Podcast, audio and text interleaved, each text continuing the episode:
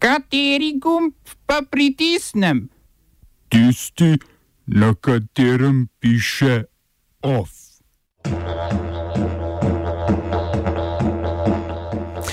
Dober dan, danes nas zaposlujejo naslednje teme. Neuspeli poskus državnega udara v Gabonu. Ameriška vlada zahteva turško zagotovilo o nenapadanju kurdov pred umikom iz Sirije. Odstopil malezijski kralj. Sodišče potrdilo, predsednik sindikata voznikov avtobusov Slovenije neupravičeno odpuščen. Ter festival Hokus Pokus v kulturnih novicah.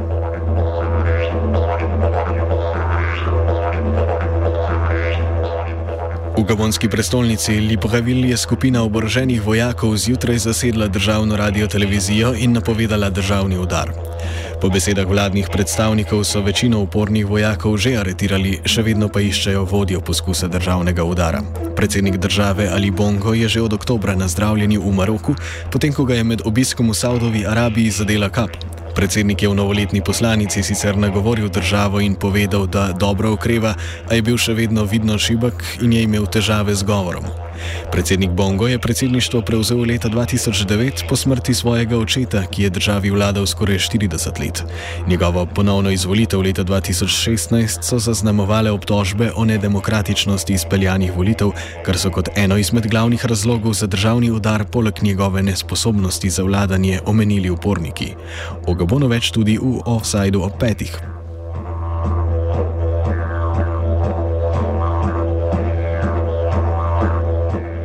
Kitajski in ameriški pogajalci so začeli pogajanja glede trgovinskega spora med obema velesilama. Decembra sta se predsednika Donald Trump in Xi Jinping dogovorila za 90-dnevno premirje in za dodaten krok pogajanj.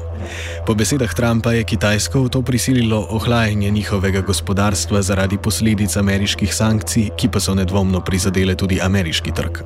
Še pred uradnim začetkom pogovorov je v del Južnokorejskega morja, ki si ga lasti Kitajska, uplula ameriška vojaška ladja. Kitajske oblasti so potezo obsodile, saj omenjene pogovore dodatno obremenjujejo z nepotrebnimi političnimi pritiski.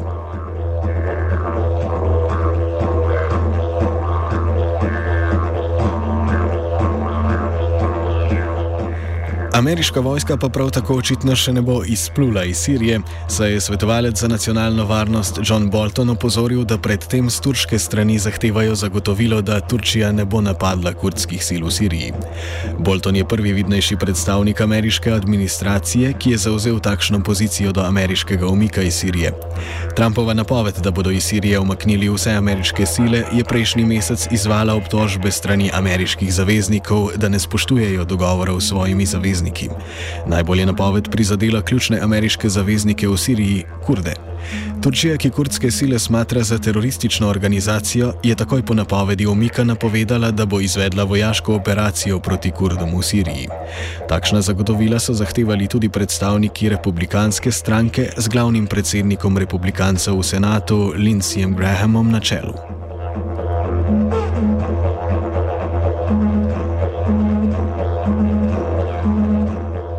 Predavatelj na vsakoletnem indijskem znanstvenem kongresu je podvomil v ugotovitve Isaaca Newtona in Alberta Einsteina. Dr. Krishnan z Univerze v Tamil Naduju se je pre v predavanju dejal, da Newton v resnici ni razumel gravitacijskih sil in da bi gravitacijo morali preimenovati v valove Narendra Modija po trenutnem indijskem predsedniku vlade. Nagašvar Rao, prorektor Univerze v Andri, je na isti konferenci zatrdil, da so prve raziskave na matičnih celicah upravljali že starodavni hindujci pred več več tisoči leti, kar naj bi dokazoval pred kratkim odkriti spis. Organizatori znanstvenega kongresa in širša indijska znanstvena javnost so strogo obsodili izjave, šlo naj bi za nov poskus usiljevanja hindujske mitologije v znanstvene kroge, ki jih podpira vlada premijeja Narendra Modija.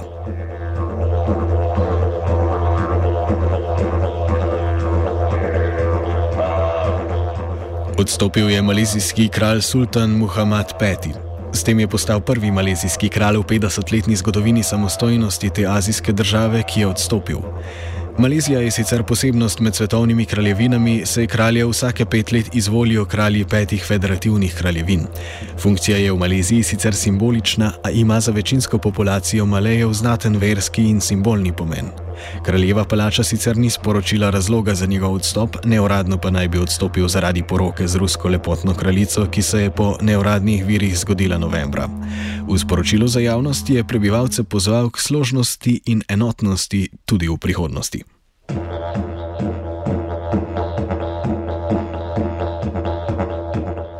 Poročilo Združenih narodov o svetovni trgovini z ljudmi je pokazalo, da je 70 odstotkov žrtev trgovanja z ljudmi žensk in deklic. Tako ženske predstavljajo tri četrtine spolno izkoriščenih žrtev trgovine z ljudmi, 35 odstotkov pa jih je prisilnih delavk. Poročilo kaže, da največ žrtev prihaja z Bližnjega vzhoda, Afrike in Azije, predvsem iz območij, kjer je zaradi vojnih konfliktov omajena zakonska oblast in drugih socioekonomskih razlogov nadzor nad trgovanjem z ljudmi neučinkovit. Velike tarče trgovanja z ljudmi so tudi begunci iz Libije in Sirije. Glede na poročilo Združenih narodov se je število žrtev trgovine z ljudmi od leta 2011 povečalo za 40 odstotkov. Kot enega izmed razlogov za rast trgovine z ljudmi poročilo navaja težjo identifikacijo žrtev zaradi kriznih razmer v državah, iz katerih prihajajo. Kljub temu, da se število obsodb trgovine z ljudmi veča, je le to še vedno zelo nizko.